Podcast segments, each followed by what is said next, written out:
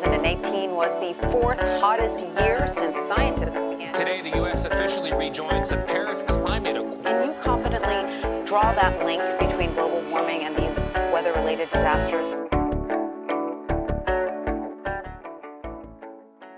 Välkommen till ett nytt avsnitt av Planet och politik med mig Lorentz Tovatt. Eh, hörni, hur gör man klimatpolitik egentligen? Eh, det är ju en fråga som jag får ofta. Eh, och det svaret är faktiskt väldigt mycket mer komplicerat än vad man tror. Eh, jag har den bästa experten med mig idag på detta. Det är Eva Svedling som har varit, man kan säga, ytterst ansvarig för regeringens klimatpolitik. Bortsett från då klimatministern. Hon har varit statssekreterare för, för klimatministern under, under flera år nu. Eh, tills nyligen, där hon, då hon slutade i samband med att Isabella Lövin slutade. Eh, det ska bli ett jättespännande samtal, så hoppas att ni lyssnar vidare. Vi kör igång.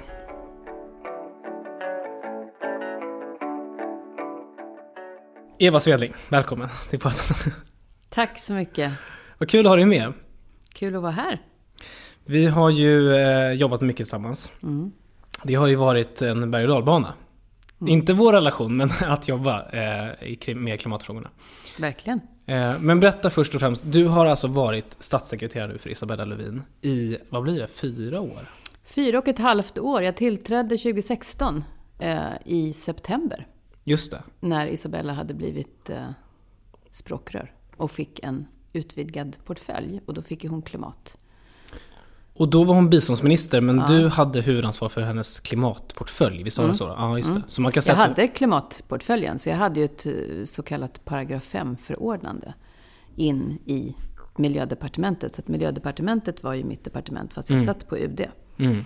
Och så hade jag då en kollega som var Ulrika Moder som hade biståndet. För Isabella ville ju behålla eh, biståndsportföljen. Mm. Mm, just det. Och tog klimat och sen fanns det ju då då blev det ju den här lite olyckliga kanske är slutsatsen. Eh, uppdelningen mm. mellan klimat och miljö. Mm. Det var ju lite svår eh, arbetat. Precis, ansvaret för klimatfrågorna så att säga lades under en minister som inte själv satt på miljödepartementet. Mm. Och sen så ändrades det efter valet och då har ni alla jobbat på miljödepartementet. Ja, och då kändes ju det, eh, tycker jag, väldigt mycket som att komma hem. Då fick mm. man allting samlat och Isabella hade en, eh, alltså ansvaret för miljö mm. och klimatfrågorna på miljödepartementet. Men kortfattat kan man säga att du har varit den högst politiska ansvariga för att genomföra regeringens klimatpolitik i fyra och ett halvt år. Det... Ja, på depart ja i, i det operativa och i att leda departementet och sköta förhandlingar och peka ut riktning och definiera reformer och så. Mm. Och få fram du är ju den andra statssekreteraren som kommer till den här podden. Den, den första var ju Per Rosenfrid som nu har blivit minister. Ja. Så att eh, förhoppningsvis har väl du en, en, liknande utvecklingsbana framför dig. Vi får se. Eh, jag har ju tid nu att fundera på vad jag ska göra och vad nästa steg Ja. Men hur har, det varit, alltså hur har det varit? Det ju, måste ju vara eh, några helt otroliga år. Det har varit helt eh, fantastiskt. Jag har ju sagt eh, till Isabella när det också har varit väldigt motigt och svårt och mycket och jobbigt. Men att det här är ju det absolut roligaste jag har mm. gjort. Mm. Det är ju så stimulerande. Mm. Alltså det är hur mycket jobb som helst naturligtvis och det är ju också väldigt svårt. Men eh, man hamnar ju i sammanhang och man lär sig jättemycket och får träffa människor och man får en enorm naturligtvis förståelse för samhälle, hur samhällsförändring eh, går till. Mm. Mm. Och vad som möjliggör den. Mm. Mm. Och hur svårt det är. Och förståelsen för alltså politik och drivkrafter bakom eh, politik och, och politiker. Mm. Mm. Så det är väldigt, det är väldigt, väldigt lärorikt. Mm. Ja, jag, jag har ju eh, jobbat med det mycket och det har ju varit en, en, eh, en väldigt härlig upplevelse. Det har ju varit, mm. vi har haft mycket med varandra att göra. Ja. Det har och det är ju ömsesidigt, det har varit väldigt roligt. Det är, mm. ju, det är ju en av, eh, ja, en av sakerna som gör eh, lättare och bättre, det är att man har, för vi har ju väldigt mycket kontakter naturligtvis när vi sitter på regeringskansliet och som statssekreterare så är man ju ansvarig för att förankra och se till och driva fram och hur ska vi göra och vilka kompromisser är möjliga med eh, ansvarig ledamot i riksdagsgruppen. Mm. Mm. Vi ska prata mycket mer tänker jag om eh, olika eh, delar av politiken och hur man driver politik och så vidare. Eh, och om ni som lyssnar vill veta mer om vad det innebär att vara en statssekreterare så lyssna på det med Per Olsson Frid för då pratar vi lite mer om det. Men jag tänkte, ja innan eh, bara så, när jag hörde om dig inför det här så, så eh, spaltade jag upp lite olika frågor. Då ville du också lyfta in ungdomsperspektivet. Mm. Vad menar du med det? Varför vill du prata om det? Det tycker jag är spännande. Jag vill prata om det för jag tror att det är helt eh, avgörande i den situation som vi eh, befinner oss. Jag tycker att eh, det är det, även om vi inte skulle befinna oss i den här situationen, så är ju barnrespektivet någonting som behöver prägla politik och, och, och samhällsförändring. Därför att det är viktigt. Mm. Det är ju en, en, en grupp medborgare som förvisso inte har rösträtt, men som påverkas väldigt mycket av mm. Eh, politiska beslut. Eh, och nu har vi också sett en mobilisering. Alltså vi har ju sett hur de själva har skapat en enorm drivkraft för att också foga ihop det här att faktiskt ha rätt att påverka beslut och rätt till inflytande över saker som kommer att eh, ha betydelse för, för barns liv med klimatfrågan. Att man eh, ser att det här det måste hända mer. Vi måste driva på. Det går inte tillräckligt fort och eh, ansvariga politiker är inte tillräckligt engagerade. Så det har ju skapats en, en rörelse. Och den ska inte vara, man ska inte se den som separat från eh, den, resten av politiken som någon rörelse som finns utanför. Den är ju förvisso utomparlamentarisk men den är väldigt kraftfull och jag skulle säga, eller jag är helt övertygad om att den redan har påverkat Eh, politiska beslut. Tänker du på Greta-rörelsen nu bara så att jag förstår? Ja, alltså ja, hela ja, den stora. Ja, alltså Fridays for Future. Ja, precis. Ja, det gör jag. Som är global, som mm. finns eh, överallt i hela världen. Och som har visat eh, en enorm eh, kraft. Och jag tycker att det är, jag har ju jobbat tidigare med barnrättsfrågor. Eh, och jag tycker att det är som kraft i det att det är båda de här, alltså både demokrati mm. och klimatfrågan som de, som de fogar samman så naturligt. Och de mm. hör ju naturligtvis ihop. Men jag menar att det hade inte, vi hade nog inte sett de här eh, ambitionerna från eh, kommissionen med klimatlag och skärpta 2030-mål om inte det hade funnits det här trycket. Just Så det har redan, det har redan haft betydelse. Jag tänkte, jag tänkte ganska mycket på det här för att precis som du säger, jag tror att EU och liksom Tyskland och de här stora jättarna nere på kontinenten. Min bild är att de har kanske påverkats mer än vad svenska partier har påverkats. Alltså, mitt parti, jag menar Miljöpartiet uppfattar jag som att vi försöker alltid ligga längst fram såklart. Men, mm. men jag har reagerat några gånger där jag har tänkt att, liksom, vänta nu här, Annie Lööf står nu och tar en selfie med Greta. Mm några dagar senare så går, ut, går hon ut och säger att mm. vi kan flyga mer. Mm. Och det, sådana där saker har jag reagerat på att det ibland inte har fått en, en konsekvens för, för policyn, alltså för, för utvecklingen av mer ambitiös klimatpolitik. Mm. Eh, det har gjort mig liksom lite sådär, men, liksom irriterad på att, mm. eh, att mm. många politiker ändå inte lyssnar. Men det är, ja, det är intressant. Jag, jag... Ja, nej, men det kan du nog ha rätt i om man tittar på, om man begränsar till att titta på eh, eh, klimatpolitik nationellt i Sverige. Mm. Eh, men man ser ju att rörelsen har haft, alltså det som har, vi, vi har ambitionen i, eh, i kommissionens förslag och i de här skärpta, alltså i rörelserna som finns, att man faktiskt prioriterar eh, frågan. Mm, mm, just det.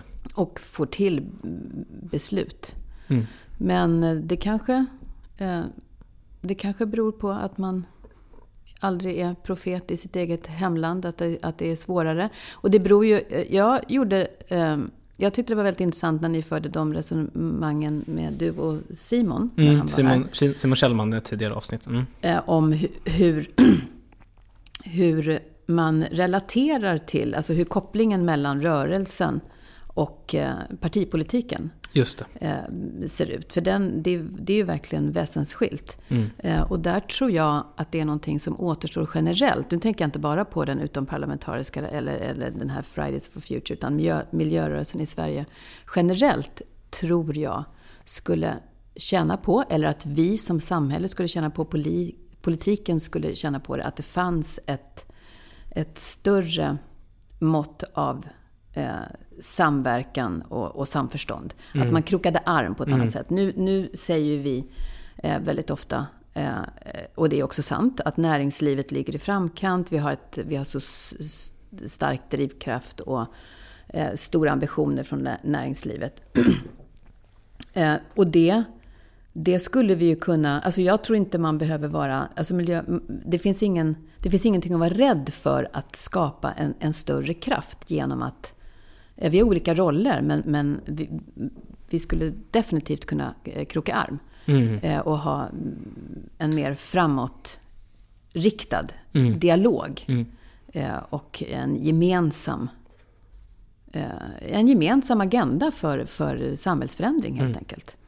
Ja men även om man inte behöver ha exakt samma lösningar på alla detaljer så tänker jag att till exempel det här med liksom att, att ha gemensamma prioriteringar eller ha liksom liksom, ha en insikt gemensamt om vilka saker som krävs för att vi ska få ner utsläppen till exempel. Mm.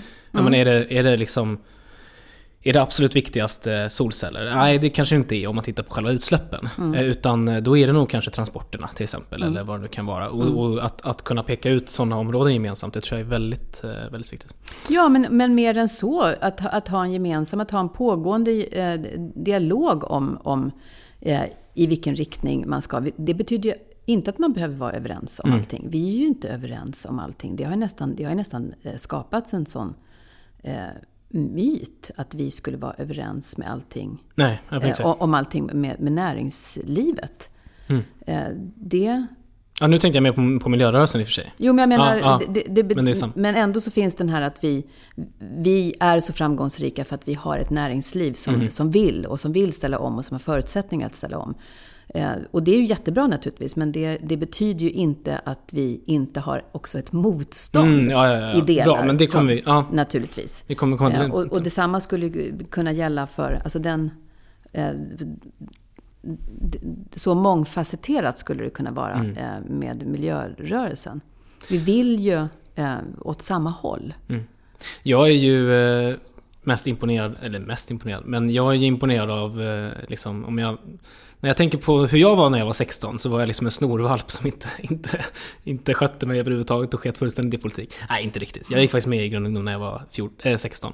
Men, men på det stora hela så var jag inte lika progressiv som de här unga som nu är aktiva. Så det, det, det är ju ja, väldigt... Det är fantastiskt. Ja, men det är ju det, det, man får hopp när man tänker på att det finns den, den rörelsen. Verkligen. Ja, och det, är också ett väldigt det är ett stort ansvar och det är eh, väldigt långtgående eh, krav på inflytande och att vi också utvidgar demokratin till att mm. omfatta mm. Eh, de här mm.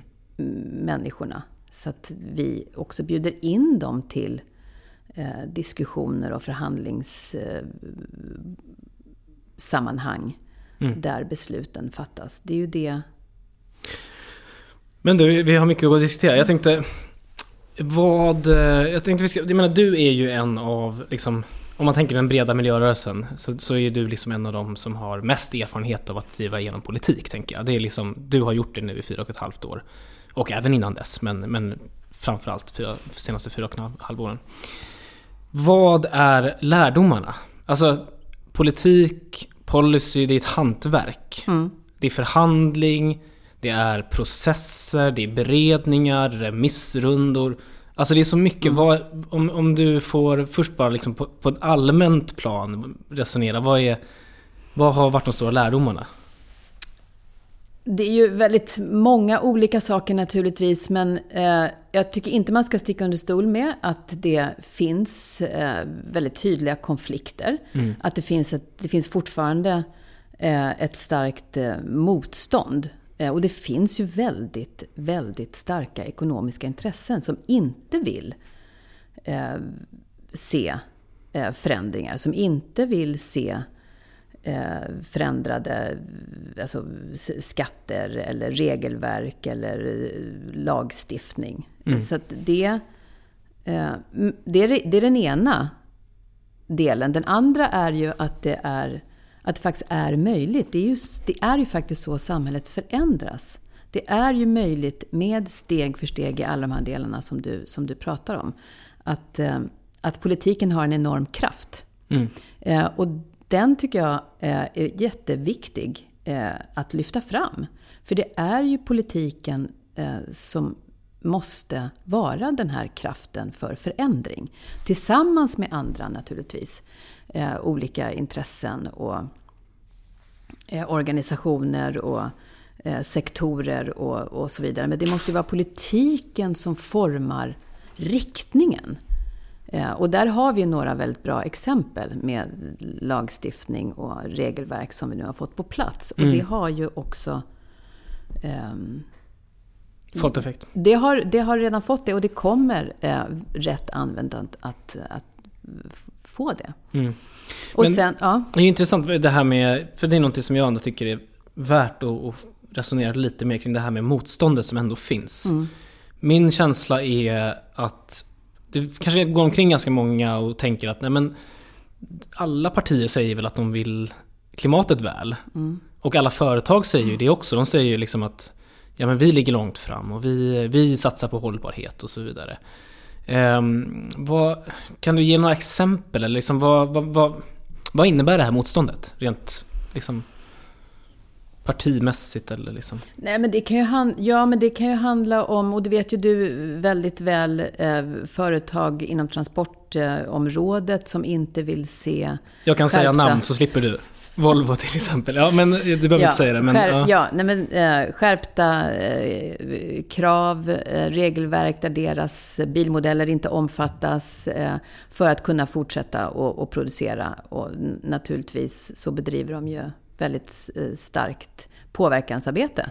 Eh, och de finns ju eh, stundtals i förhandlingsrummet. Mm. Så att det... Indirekt. Via, Ja, via andra ja, partier. Exakt. Mm. Eh, Men närvaron kan ju vara väldigt, väldigt påtaglig. Mm. Eller andra ja, så skogsindustrierna när det Mm. gäller förändrade avverkningsregleringar och så vidare som är väldigt, eh, väldigt, väldigt starka. Det där är ju, jag tror jag har diskuterat det en del innan i den här podden, men det där är ju nästan till och från så att det blir ett demokratiskt problem tycker jag. Alltså det vill säga att, ja men jag, jag kan ändå bara, jag kan ta ett exempel ändå som jag tycker är värt att belysa. Det var när vi skulle förhandla om ehm, eh, exportstrategin. Du behöver liksom inte gå in i, och, men, men jag, nu kan jag bara ta mitt eget exempel här då. Och det, det var, då var det ju liksom så att Miljöpartiet gick in och sa vi ska liksom inte ha några fossila exportkrediter. Vi ska, Alltså svenska staten ska inte gå in och garantera lån till företag som exporterar fossil teknik. Och det är fullt rimligt. Alltså det, är ju, det är ju helt vansinnigt att, man, att, man, att staten ska gå in och, och subventionera den typen av... Liksom, ja. Och det gick ju vi in med och då var det verkligen ett massivt motstånd. Och det eh, ju väldigt mycket med vissa näringslivsintressens intre, alltså intresse. Det vill säga, det var, motståndet var ju... Liksom, man, Men man, motståndet kommer ju från de som då producerar teknik som man eh, hävdar eh, är nödvändig som övergångslösning. Eller där man kan använda båda delarna. Istället för att se att nu står vi i ett vägskäl. Om vi eh, nu fattar det här beslutet att det här ska fasas ut. Så, så kommer ju... Eh, då kommer man ju att komma, då kommer man ju få till en förändring. Men det kommer ju naturligtvis att innebära att man behöver förändra eh, antingen exportera utan den garantin eller att förändra produktionen. Mm. Och det var ju bisarrt för när jag, när jag upplevde det så blev jag helt chockerad. Hur kan man, vad, är det, vad är det här för motstånd liksom, tänkte jag. Vad- Liksom det är, året var 2020, det låter ju helt bisarrt att man skulle liksom vilja driva vidare en sån sak. Och då kollade jag nämligen upp, eh, jag ska inte nämna partierna, det blir, ja, men, men då kollade jag liksom ändå upp sådär vad, vad partier gick till val på. Och de flesta partierna gick ju till val på att förbjuda det här. Och sen så agerade de motsatsen i förhandlingsrummet. Och det tänker jag är där demokratiaspekten av det kommer in. Därför att då har de alltså på ett sätt fört väljarna bakom ljuset kring sin politik. Och det, det är ganska allvarligt att man liksom så att säga att man låter intressen styra politiken trots att man har lovat en annan sak. Liksom. Och, det, och det här är bara liksom ett exempel. Och det, jag skulle kunna, du och jag skulle kunna sitta och rabbla upp väldigt många sådana Ja, exempel. det, naturligtvis. Det finns ju jättemånga sådana exempel. Eh, Men, och det är också viktigt att inte förenkla det, för det är ju helt nödvändigt att ha... Jag menar, politik är ju väldigt kom, en väldigt komplex verksamhet, så man måste ju ha hänsynstagande till flera. Alltså samhället är ju, består ju av en mängd olika hänsyn och intressen och rörelser i olika riktningar. Men, men man, man behöver ju vara man behöver, ju vara, man behöver veta när man befinner sig vid det här vägskälet. Mm. Och, och knuffa det i rätt mm. riktning. Och det är ju inte fel att ha kontakter med näringslivet. Det, är ju, menar, det har ju vi också naturligt. Alltså, man, man har ju en dialog med, med omvärlden. Men eh, precis som du säger, alltså vid vägskälet så måste man kunna göra en avvägning. Eh, vad är ett liksom, särintresse egentligen? Ja. Och vad är det allmänna intresset och vad, här? Vad är, ren, vad är rent, rent, ett rent vinstintresse? Exakt. exakt. Och vad är ett samhällsintresse? Mm, mm. Det, man behöver ju kunna skilja på det, mm. naturligtvis. Mm. Eller man måste ju. Det, det, det är ju en, ett ansvar. Utan att eh, du behöver gå in på detaljer, men kan du ändå nämna vad, vad som har varit tuffa förhandlingar för dig? Liksom vad, har du några sådana så här, ah, det här var, det här var verkligen en kamp?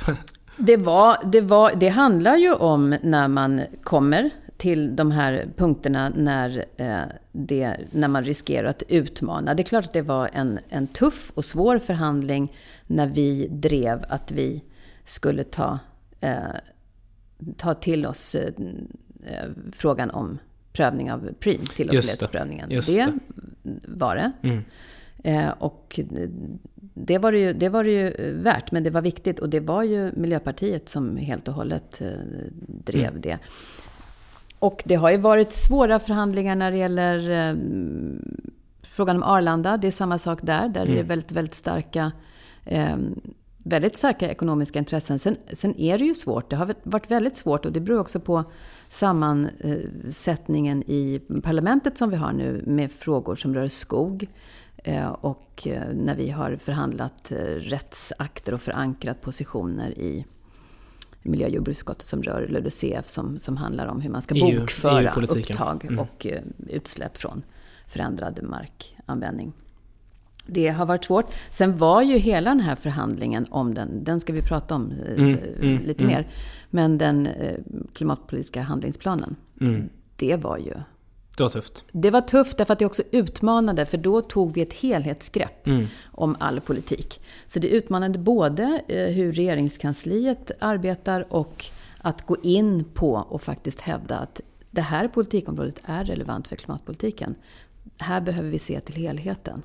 Så att vi behöver sätta upp och uh, gå igenom alla de här delarna som inte ligger under miljödepartementet. Så det satte ju också väldigt, det satte ju ett väldigt starkt tryck på arbetet i regeringskansliet. Mm. Som skapade uh, mycket friktion. Det, ju, det, är ju en enorm produkt. Alltså det är ju motsvarande, inte riktigt som en budget kanske, men alltså det är ju en väldigt, väldigt omfattande produkt. Mm. Och då är det ju liksom varje departement ska med på det. Mm. Alla de här 100, vad är det, 132 punkter eller någonting. Mm. Alltså det är liksom varenda punkt ska tröskas igenom hela mm. maskineriet. Mm.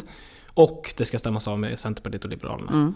Mm. Och det är ju det där som är hantverket och det är ju svårt. Alltså ja, det och det, verkligen... tog ju, det, tog ju ett, det tog ett år. Från början.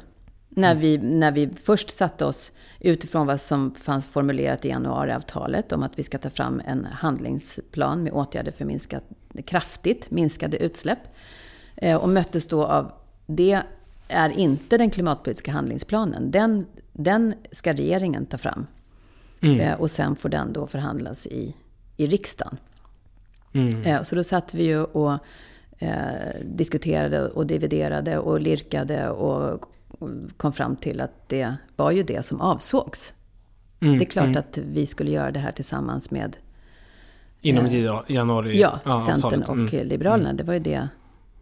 Det kanske inte var den, den mest stringenta formuleringen i januariavtalet, men det var ju det som avsågs. Mm. Så det började ju där, att få med eh, den här konstellationen eh, på båten och sen börja På att vi överhuvudtaget ska göra det? Ja, mm. alltså det, var, det var, var vi ju tvungna till. Som regering var vi tvungna till mm. det. För det mm. står ju i klimatlagen. Det ska läggas fram en klimatpolitisk handlingsplan mm. varje, i början av varje mandatperiod. Året efter ordinarie val. Eh, ordinarie val var ju 2018. Den här lades ju fram på riksdagens bord i december 2019. Mm. Mm. Ja. Så det var ju verkligen på mål.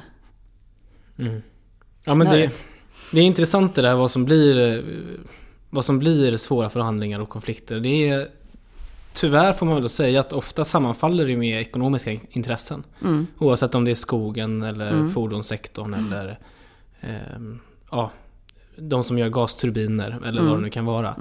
Och det är ju, eh, det tycker jag egentligen, ja, men, ju mer jag tänker på det desto mer inser jag att det där borde vara en större debatt i offentligheten. Därför att det i slutändan handlar om vad, vad, vad lovar partier och vad, vad driver de egentligen? Och det är ju det är precis som du säger, det här med hantverk. Det kan ju, alltså man, man måste också ha, det lär man sig, men man måste också ha, eh, ha förmåga och radan inställd på var, var finns de viktiga detaljerna i det här? Alltså var någonstans är det man ska lägga sitt förhandlingskrut?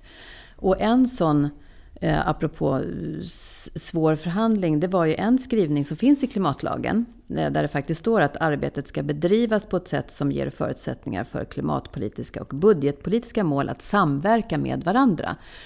Det här diskuterade vi förklara, förklara vad det betyder, för det är så svårt Alltså att det, greppa. det, det är ju, jag skulle vilja säga att det, eh, det, är ju, eh, det återstår ju att se. Jag skulle vilja, få, eh, jag skulle vilja säga att det här är en, en, en möjlighet och en hävstång. Att faktiskt plocka in och visa att klimatpolitik måste hänga ihop med budgethänsyn och, d- och finanspolitik och ekonomisk politik. Alltså det är ju inte olika saker, utan det här ska ju hänga ihop.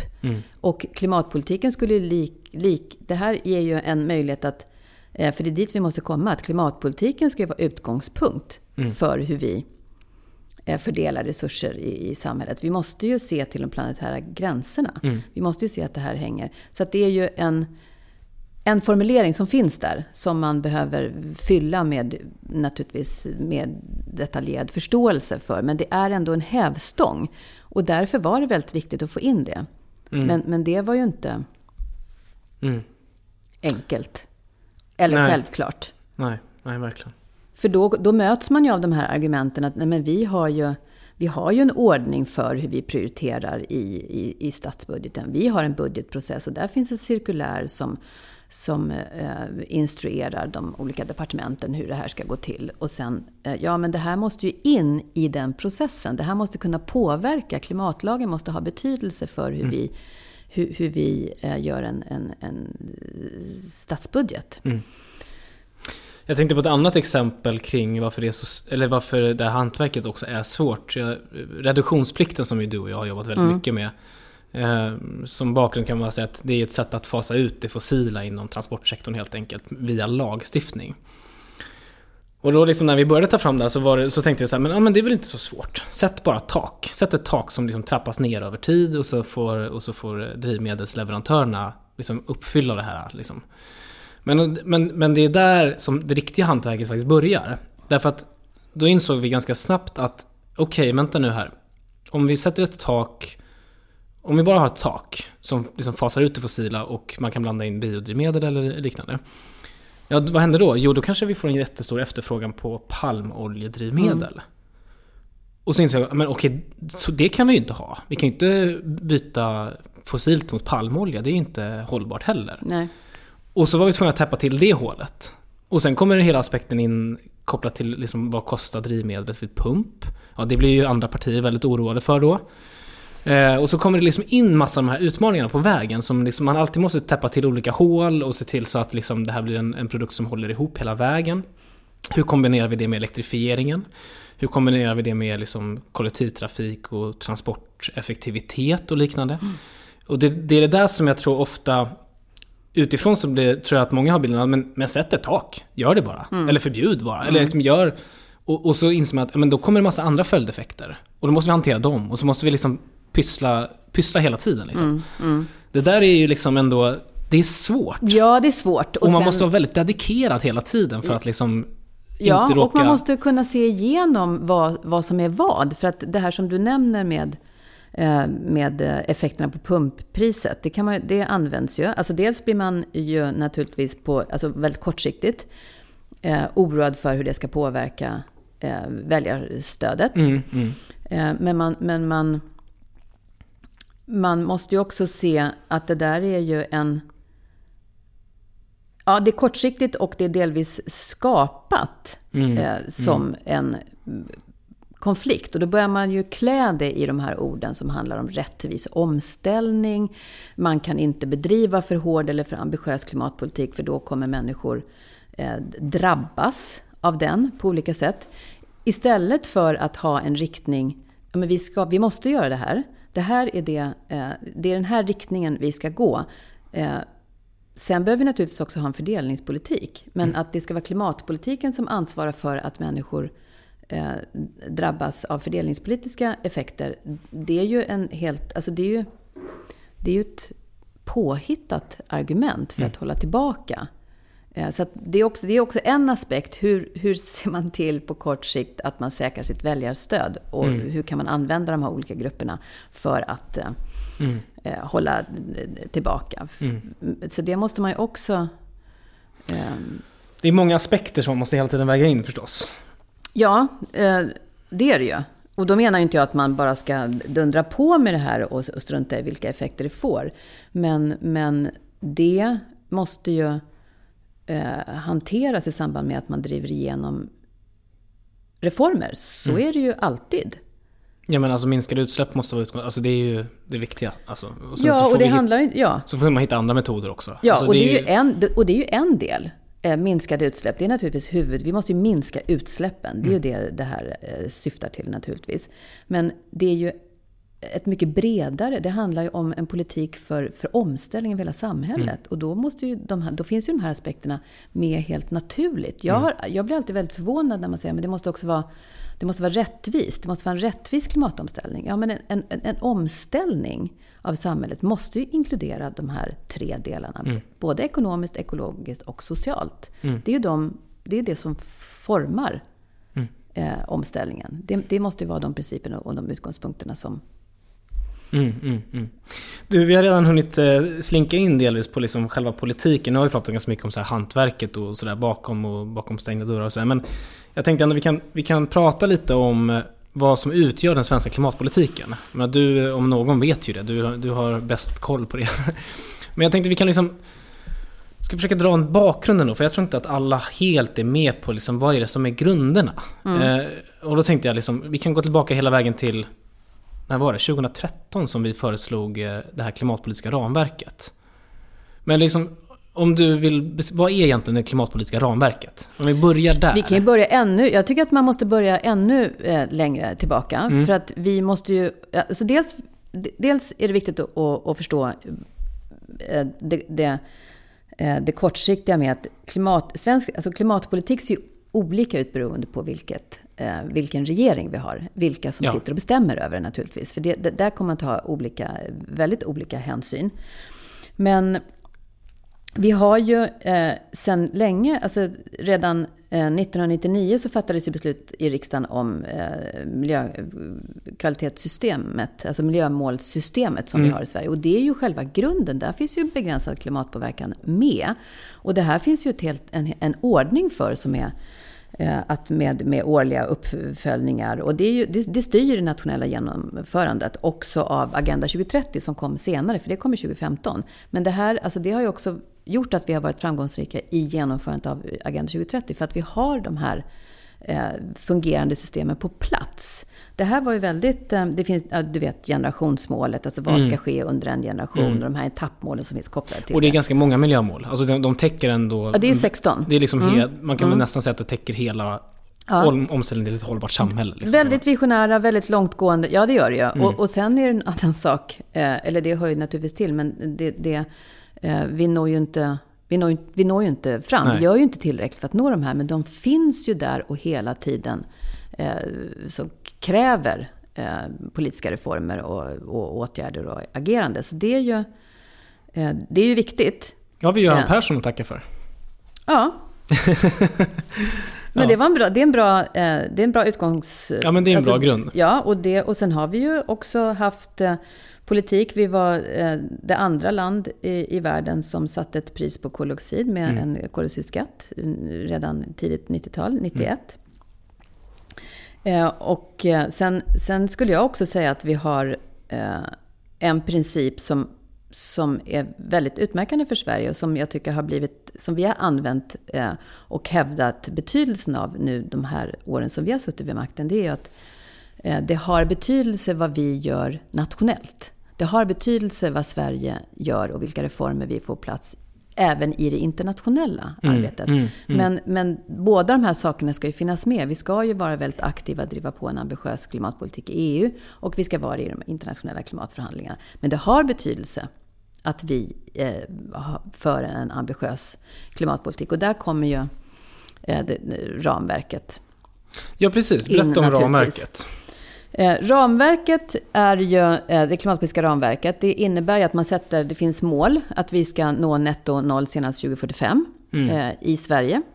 Och där vill jag bara skjuta in, MP ville ha tidigare. Men, men det här har vi ändå lyckats samla sju av åtta partier i riksdagen. Ja, och det är ju ett gediget demokratiskt arbete bakom som satt och arbetade med det här i miljömålsberedningen. La fram den här eh, omfattande, som jag fick på mitt bord när jag tillträdde som statssekreterare i flera delar, miljömålsberedningens betänkande. Och sen skulle det då omsatt, omsättas i, eh, i den här propositionen. Och, och då, då valde ju vi att göra det, alltså ta den del som handlade om det klimatpolitiska ramverket, klimatlagen och eh, det klimatpolitiska rådet som, som första steg. Sen finns det ju de delar som handlar om som vi har tagit vidare i en skrivelse och här fortsätter det också i den klimatpolitiska handlingsplanen och det finns luftvårdsfrågor och så som också men där sattes eh, målen upp och det finns ju också ett eh, sektorsmål för eh, transporter. Mm, just det. Så vi har ett mål för den långsiktiga politiken fram till 2045.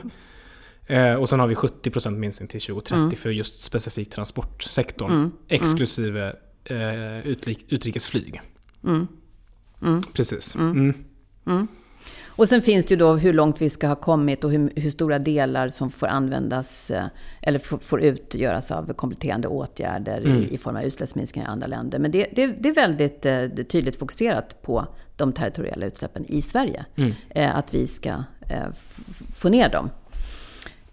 Och det här är ju naturligtvis, eh, eh, ja som du sa, eh, det var ju en, en, en, en seger för demokratin att sju av åtta partier står bakom det här, att man lyckades lägga fram det och lyckades dra det genom riksdagen i form av en proposition som nu då är, är, är fäst. Så det här är ju också eh, eh, ett demokrativerktyg. Mm. Och klimat, själva ramverket är en del där man sätter upp målen. Sen har vi fortsatt att med etappmål, konsumtionsbaserade utsläpp och för, för flyg och sjöfart. Mm, mm. Som, som kommer. Som ska börja nu, det arbetet. Ja, Mm. som Miljömålsberedningen kommer att fortsätta med. Men själva klimatlagen är ju en, en annan del i det här, de här, det här tredelade. Som då bestämmer hur regeringen, alla regeringar, ska bedriva. Alltså enligt vilka principer ska man bedriva klimatpolitik? Och hur ska det redovisas för riksdagen?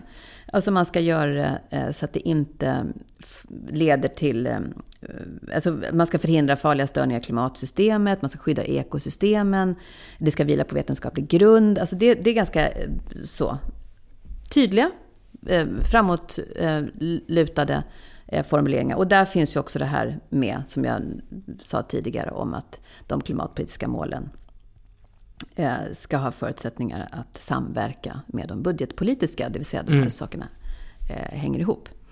Och ovanpå detta så Och- har vi Klimatpolitiska rådet. Ja, eh, där, det, det är ju då ett oberoende råd som är tillsatt för att utvärdera och granska.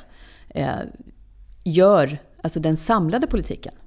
Det är ju viktigt. Den samlade politiken, leder den samlade politiken som regeringen bedriver till att vi kommer närmare att nå klimatmålen.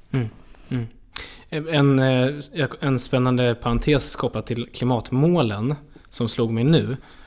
Precis apropå det vi pratade om tidigare med ekonomiska intressen. Det är att jag, jag minns att strax innan de sju partierna enades så kommer jag ihåg att Svenskt Näringsliv, LRF, alltså Lantbrukarorganisationen och LO, de skrev en gemensam debattartikel där de istället ville ha ett mycket, mycket, mycket svagare mål. Jag tyckte det var intressant apropå liksom att Många pratar ju om det här, men alla vill väl och alla vill längre fram och bla bla bla. Men eh, där var det verkligen så att de, de, den samlade liksom, vad ska man säga, utomparlamentariska högern, vänstern och centerrörelsen, de ville inte gå lika långt som politikerna ville. Eh, men det landade ju väl. Eh, I alla fall, i alla fall hyfsat väl. Vi vill ju gå längre men... ja, nej, men jag tycker ändå att man får se det som ett väldigt, väldigt viktigt steg. Och jag tycker också att man måste se det som ett demokrativerktyg. För i klimatlagen står det också att det ska läggas fram, det ska skrivas. Eh, man ska redovisa varje år hur utsläppsminskningar utvecklas. Och man ska, varje regering ska lägga fram en klimatpolitisk handlingsplan eh, i början av mandatperioden. Så att man ska då redovisa vad ska vi göra den här mandatperioden för att vi ska nå komma närmare måluppfyllelse gentemot de här målen som man har fäst vid riksdagen. Det är ju jätteviktigt för miljörörelsen, för medborgare, för väljare att få det här så man kan granska. Gör, mm.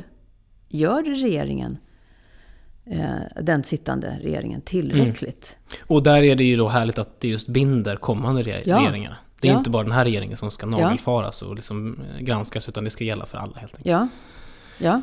Men, du, Men det, det, är ju, det är ju intressant apropå att det här som vi har pratat om med hinder och, och, och motstånd. Eh, när jag var ute och pratade eh, för, eh, för våra Eh, för utrikesförvaltningen för våra eh, ambassader. Mm. Då fick jag den frågan när jag redovisade. På de här eh, benen vilar det, det är så här, alltså, det klimatiska ramverket och klimatlagen och det är så här det är konstruerat.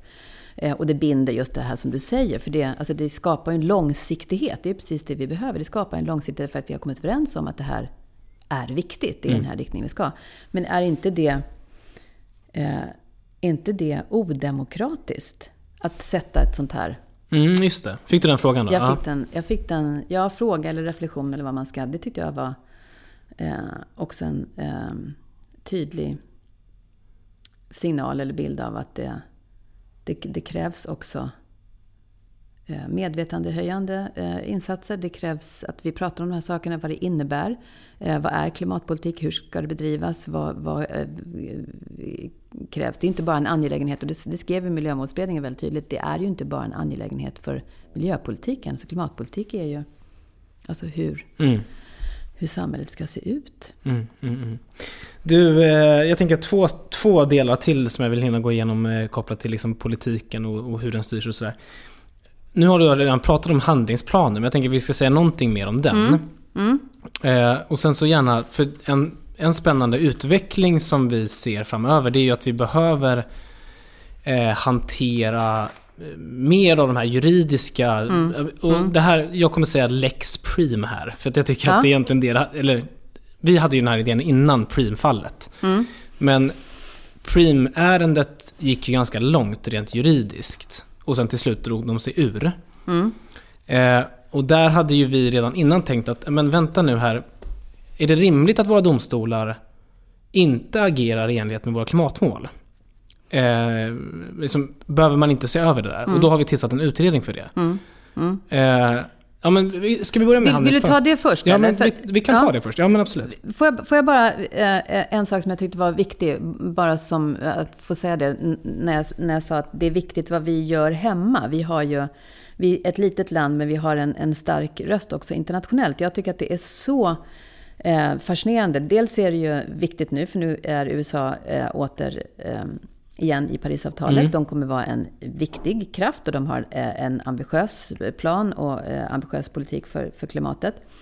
Men, men de har ju också satt upp de här målen. De har ju uppenbarligen inspirerats av eh, Sverige eh, och andra länder. Men att man ska ha klimatneutralitet till 2050. Men också att klimatet ska genomsyra alla områden. Och där nämner, de, nämner både utrikes och handels och säkerhetspolitik. Mm. Att det, det här ska vara en och då tänkte jag att det är ju så vi också eh, har konstruerat vår politik och så som vi också skriver att all politik är klimatpolitik i mm, den här klimatpolitiska mm. handlingsplanen. Det är, då, då har det betydelse. Just det, just det. Eh, även för, för andra. Och, och, när jag har varit ute och pratat när, när, om, om ramverket och klimatlagen och klimatpolitiska rådet så är det, väcker det jättestort mm. intresse från jag, andra länder. Och det är ju många som har följt efter. Alltså mm. det blir ju en mm. rörelse. Mm. Det är många länder som har klimatlagar nu. Jag måste ha ett avsnitt om internationell klimatpolitik känner jag. För jag menar, jag har ju... Mm. Jag menar, långt innan du och jag kände varandra så har ju jag liksom följt de här klimatförhandlingarna till mm. exempel. Och de har ju varit så otroligt låsta. Och jag menar, mycket av det som Sverige har gjort inom ramen för de förhandlingarna och genom att vara föregångare har ju luckrat upp de här låsningarna. Jag, menar, jag brukar, sk- jag behöver inte gå in i detaljerna kring det, men jag brukar skryta om att vi var en av de viktigaste aktörerna för att få till Parisavtalet. Och det stämmer. Alltså om inte vi hade varit de föregångarna vi är, men jo, då men om hade inte inte vi vi kunnat hade sett vara... till att det fanns eh, ordentlig finansiering. Se Exakt. till att man, att man eh, Exakt. eh, säkerställer finansiering för omställning. Mm. Och just det, det här pratar jag ganska mycket med Per Mm. Olsson Frid om, så det, det, ni som inte har lyssnat på det kan Mm. mm. Ja men Men jag det, tänker att det är också den här möjligheten som politiken är. Jag måste ändå få säga, det, det, jag tycker att det är den nya chefen för WTO Mm. som nu säger att vi ska, nu, nu sätter vi klimatet i förarsätet. Klimatet måste vara utgångspunkten för handelspolitiken. Nu ska vi, alltså det är inte alls, det är inte alls omöjligt nu att sätta upp klimattullar. När vi föreslog det så var det ju, ehm, ja, Ja, folk blir ju tokiga. Ja, nej men det, det, då blir man beskylld för protektionism och eh, bakåtsträveri och allt min möjligt. första motion till Miljöpartiets kongress var klimattullar. Mm. Och den stoppades av partiledningen i början. Mm. och nu är det ju nästan på gång att bli verklighet. Ja, och nu säger hon att nej, men nu är det sådana länder som, eh, som, som bromsar här, Australien och... Ja, då får de ju straffas. Det är ju eh, intressant apropå USA. De har ju själva nu... Men här har vi ju partier i riksdagen som, som gick i taket när, Ja. när EU faktiskt började säga. Och Mm. vi har ju sagt det sedan länge, men att man ska ha den här border adjustment eh, Mm. mechanism. Det är lite spännande ändå med, med Biden och hans klimatpolitik nu. För han lyfter Mm. ju in just handelfrågorna. Ja, Och pratar om tullar bland annat. Mm. Men det intressanta där är att jag, USA har ju fortfarande typ världens största utsläpp per capita. Så frågan är liksom, då borde de ju ha tullar mot sig själva så att Mm. säga. Det blir liksom svårt för dem. Men, men det är ändå intressant att se hur, för några år sedan så var det inte snack om att klimatet skulle in i handelspolitiken. Men nu är det överallt snack Ja. om det. Nu är det verkligen en annan... Ja, för det var ju verkligen, och det här skulle... Eh, eh, det var helt omöjligt för att det fick inte utmana WTO. Det är som att det är någonting som är skrivet i alltså en naturlag. Mm. WTO-regelverket. Ja, men plötsligt nu, har vi, nu ska vi bestämma och enas om ett nytt Mm. eh, WTO-regelverk som ser eh, ut på ett annat sätt. Som tar andra hänsyn och som styr i en annan riktning. Mm. Du, vi kommer inte hinna gå igenom hela handlingsplanen. Men, Nej. men, men, Nej, men det hade vi väl inte tänkt. Nej, för det den är ganska omfattande. 132 punkter. Men, men vill du säga någonting om det här som jag då har döpt till Lex Prim? Klimaträttsutredningen heter Ja. det ju. Men, men jag kan väl säga någonting bara om först eh, att ut, alltså, det är väl viktigt ändå, det viktigaste, det som är själva klämmarna i den här klimatpolitiska Ja, du får förklara, handlingsplanen. vad klämma Ja, betyder. det som är det man binder helt enkelt med, med eh, riksdagen. Just alltså det, det, som är själva ja. att-satserna. Sen står det ju massor med fler saker. Men det är ju eh, systemfokus, alltså systemförändrande, Ja. där det faktiskt står att vi ska integrera klimatpolitiken i alla relevanta politikområden. Det vill säga att den ska genomsyra, den är relevant för en mängd olika områden. Eh, och sen eh, all relevant lagstiftning ska ses över så att det klimatpolitiska handlingsplanet, det är det du pratar om, ska få genomslag. Ja, det är det som är precis. klimaträttsutredningen. Precis. Och sen ska vi också se över eh, respektive samhällsmål och omformulera Mm. dem inom olika områden, politikområden, så att det också görs förenligt med klimatmålen. Det är så här man gör när man, när man tar ett stort steg. Eh, och sen ser man till att all eh, lagstiftning som man har anpassas. Så att det styr Och det här är också i- apropå, kraft. apropå just hantverket så är det ju en, en viktig detalj här att, att säga att klimatlagen var de stora dragen.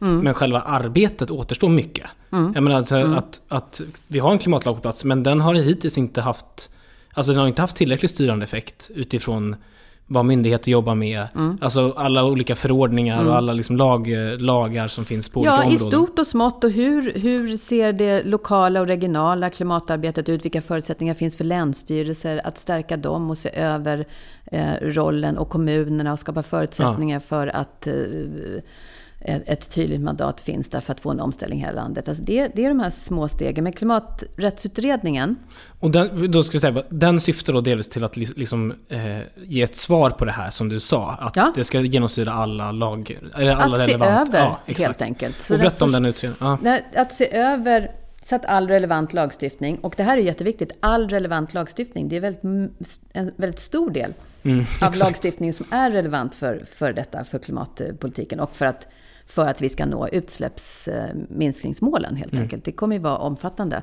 Men den första delen som sitter nu och som ska lämna delbetänkandet i eh, april, eh, det är ju miljöbalken. Och då handlar det ju om, för att där finns ju, eh, och det var väl det som var diskussionen. Eh, Kopplat till Preem? Med Preem. Mm. Eh, vad finns det för möjlighet eh, att sätta den typen av eh, krav, eller att ställa den typen av krav, eller att eh, fatta beslut om att inte tillåta eh, utsläppsminskningar i svensk lagstiftning, i miljöbalken. Så att utifrån de klimatpolitiska målen och det klimatpolitiska ramverket så ska man nu föreslå förändringar mm. i miljöbalken. Så mm. att det eh, styr mot det, det kommit Det låter nästan i, lite men det är ett ganska stort steg ändå. Det är, jätte, alltså det är, ju, det är ju jätteviktigt. Mm. Och då syftar det, det kommer ju möjliggöra att man kan, alltså vad, vilka får tillåtelse, vilken typ av verksamhet ska vi ha mm. eh, och så. så. Så det kommer ju ha väldigt stor betydelse. Mm. Och sen kommer ju då eh, man behöva titta på annan lagstiftning. Och det kan ju vara aktiebolagslagen eller plan och bygglagen, kommunallagen. Allt som rör Trafikverkets ja, planeringsarbete. Ja, ja. Det är väldigt, ja, väldigt, väldigt mycket. Ja. Så det kommer ju, och det eh, slutbetänkandet kommer ju eh, 2022. Mm. Och det är ju, precis. Ja, men, och syftet då med just det här med miljöbalken, det är ju just att vi kan inte ha ett system där, vi kan liksom inte ha en lagstiftning där man ställer massa lokala miljökrav men missar klimatet ja. i tillståndsprocessen. Ja. Alltså det vill säga, så länge man upp, upprätthåller de lokala miljökraven så kan man i princip släppa ut hur mycket som helst mm. och komma igenom en, en juridisk process med mm. det. Och mm. det är ju det som är mm. orimligt och det är mm. därför vi behöver liksom förändra det. Ja, och, det, och man kan ju inte hålla på och hänvisa till eh, att det här regleras inom utsläppshandelssystemet. Det fanns ju också med, det var också en strid eh, som handlade om EU ETS. Eh, mm. Alltså EUs, alltså EUs utsläpps, ja, eh, utsläppshandelssystem. Eh, och att vi drev igenom att det ska vara möjligt att, att ha nationella styrmedel mm. inom den sektorn. Alltså vi måste kunna beskatta eller ha styrmedel inom den mm. sektorn. Och inte bara sitta och vänta på att det ska hända någonting mm. på EU-nivå. Vilket det också naturligtvis måste. Och det finns ju också med. Vi ska ju driva på för eh, Eh, ett skärpt regelverk naturligtvis. Mm. Men, men vi behöver också vi behöver använda alla de eh, medel och regelverk och verktyg som vi har naturligtvis mm. för att få till det här. Det måste vara lite jobbigt för dig att eh, nu lämna när du har tillsatt de här utredningarna och liksom Ja, både, ja jo, nej, både, både och tycker jag. För att det, det måste ju fortgå. Jag känner, mig, jag känner att vi har åstadkommit väldigt mycket genom mm. att få de här sakerna eh, på plats. Eh, och man behöver ha fortsatt fokus på eh, systemförändrande åtgärder naturligtvis. Men det här blir ju viktigt, jag kan ju följa det. Mm. Ja, du kommer inte kunna hålla dig undan. Det, det, vet ju jag. Nej, jag kommer ju vara eh, lika intresserad och Eh, ja, som... och det ska ju inte ta någon ära av jag menar, allt som redan har gjorts. Alltså det är ju enorma, alltså allt det vi har gått igenom hittills. Så det är... Ja, och det är ju, apropå hantverk igen då, det är när man sitter och gnetar med de här direktiven och förhandlar varenda skrivning. Och vad betyder det här? Men här måste vi ha en hävstång. Det här måste vara möjligt. Och sen i, i dialog. Eh, man ska ju också veta att man har ganska eh, stora möjligheter eh, eh, i det att man har regeringsmakten. Att man kan faktiskt, eh, man har dialog med, med utredare och, mm, mm, mm. och så. Så där, där kan man ju också följa det. Mm. Du, tiden går väldigt snabbt om man har kul. Men jag, mm. jag, jag, tänker att vi ändå ska runda av lite med om du får liksom blicka framåt. Mm. Men du har jobbat mycket med de här frågorna nu och liksom eh, varit varit spindeln i nätet och högsta chefen för, för klimatet. Men vad är, det vi har, vad är det vi har kvar? Alltså vad är det viktiga framöver?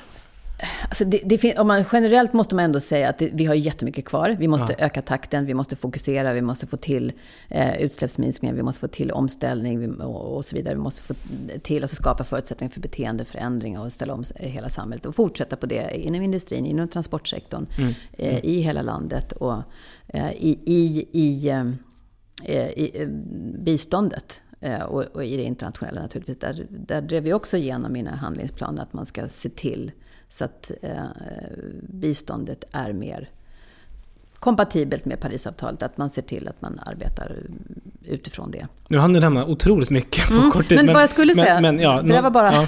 det, det, jag, var- det jag var tvungen att säga. Men att det- om jag får ta några exempel så tror jag att. Eh, Eh, det, jag tror att vi skulle behöva, det har också Klimatpolitiska rådet varit inne på, att man, man behöver ordentlig kapacitet för, alltså man behöver utmana eh, de eh, modeller som står till buds för att, för att eh, räkna på klimatnytta och räkna på eh, inte bara kostnadseffektivitet utan samhällsnytta och eh, klimatnytta och, och mer alltså bredare. Eh, Så där ser jag ju framför mig att eh, ett nästa steg eh, rimligtvis bör vara att ha en liten, mindre snabbfotad myndighet eh, som skulle kunna heta klimatanalys. Det finns Ja, ju det på andra det. områden. Ja, ja. Mm, Eh. Naturvårdsverket har vi ju, det är de som gör de här ut, eh, alltså underlagen till oss, till alltså utsläppsminskningar och analyser och så. Och jag tror att de ska fortsätta ha den kapaciteten, men den behövs också i form av Alltså det finns ju på transportområdet, det finns ju trafikanalys. Eh, Det borde finnas, så man kan ge eh, uppdrag och, och få underlag löpande också.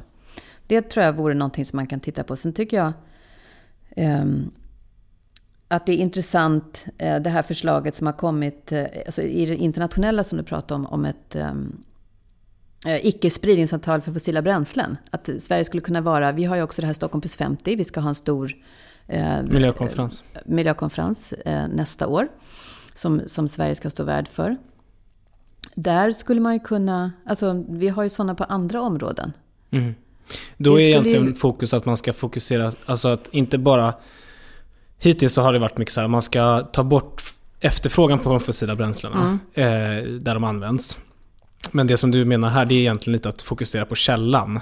Att säga att nej men vänta nu här, vi ska stoppa, Ja. att, vi, att vi ska inte ens bryta nej, någon, nej något vi ska fossilt. sluta med det. Ja. Och vi ska komma överens om det internationellt. För jag Mm. tror att vi måste också se att vi måste värna det multilaterala samarbetet. Vi måste stärka. Mm. Och även där så har ju Joe Biden sagt att han vill titta vidare på de Mm. typen av lösningar om jag förstod det rätt. Eh, bland annat för Arktis som har varit Så nu- väldigt ja, infekterat. Så nu finns det ju stora möjligheter. Mm. Och där skulle vi också kunna ehm, vara en viktig aktör naturligtvis i det internationella. För Sverige har också den Mm. Men möjligheten att apropå det internationella, så en sak som du har snuddat vid men som jag ändå tycker är viktigt att poängtera som en viktig grej framöver, det är just konsumtionsutsläppen. Mm, just det. Och jag menar, det kan man ju, först och främst kan man säga att Sverige, man kan säga att vi är inte tillräckligt snabba i utsläppsminskningarna, självklart är vi inte det. Men vi har ändå bukt på dem, alltså vi, de är på väg åt ner åtminstone. Mm. Det, det är den tydliga trenden i Sverige. Även innan corona.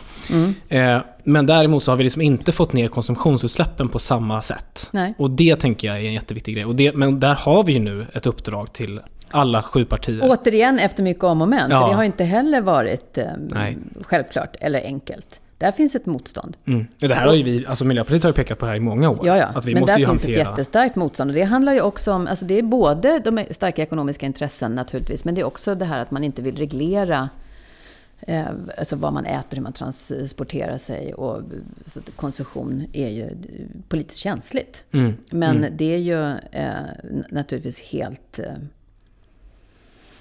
befängt Mm. att det inte skulle eh, synas. Ja men Och alltså det är ju det är fortfarande utsläpp som få- kommer från svenska. Alltså vi, Ja. vi måste ju ta ett ansvar för det. Ja, ja. liksom det. ja. Eh, ja och då måste man börja med att titta på hur kan man eh, mål mm. Vilka mål sätta, sätta mål Mm. för det och hur kan man sen eh, hänga på åtgärder för att eh, få, få bukt med det naturligtvis. Och även där skulle ju faktiskt en klimatmyndighet vara ett bra verktyg. Därför att liksom, nu har ju Naturvårdsverket börjat ta fram mer Mm. bra information om konsumtionsutsläpp. Men det har tagit ett tag och Mm. det har de inte gjort. Ja, det, Fortfarande är det väldigt mycket så här metodgrejer som man måste ta det, reda jag tycker på. det är, självklart att det behövs en eh, liten... Eh, som, Klimatanalys. Ja. Jag gillar det. ja? Du, jordbruket också. Ja, det är ju, eh, där behöver vi ju också eh, naturligtvis. Det är ju nästa, ja men det är väl konsumtionsbaserade utsläpp och eh, jordbruket. som Ja men det är de man två behöver. stora som jag ser där vi liksom inte Mm. Ja. har, jag menar, för säga vad man vill, vi har fortfarande utsläpp inom industrin och transporterna men där har vi åtminstone politiken på plats i ganska Mm. stor utsträckning. Vi har reduktionsplikten, vi har bonus malus för transporterna. Sen Och finns det mycket med, med mycket mer. Ja, effektiv, alltså, Ja. transporteffektivt Ja. samhälle. Och det finns ju även inom energiområdet naturligtvis energieffektivisering och, och bostäder Ja. och, och, och så. Men, Men vi har inte samma typ av jordbruket genom... är ju också, och där kommer man ju stöta på Ja, motstånd. ja, verkligen. Det har vi gjort eh, Mm. mycket senaste åren redan. Som Du, eh, vi hinner inte så mycket mer än så. Vi skulle kunna sitta och prata här i många Ja. timmar. Men eh, tusen tack för att du eh, kom till podden. Tack så mycket.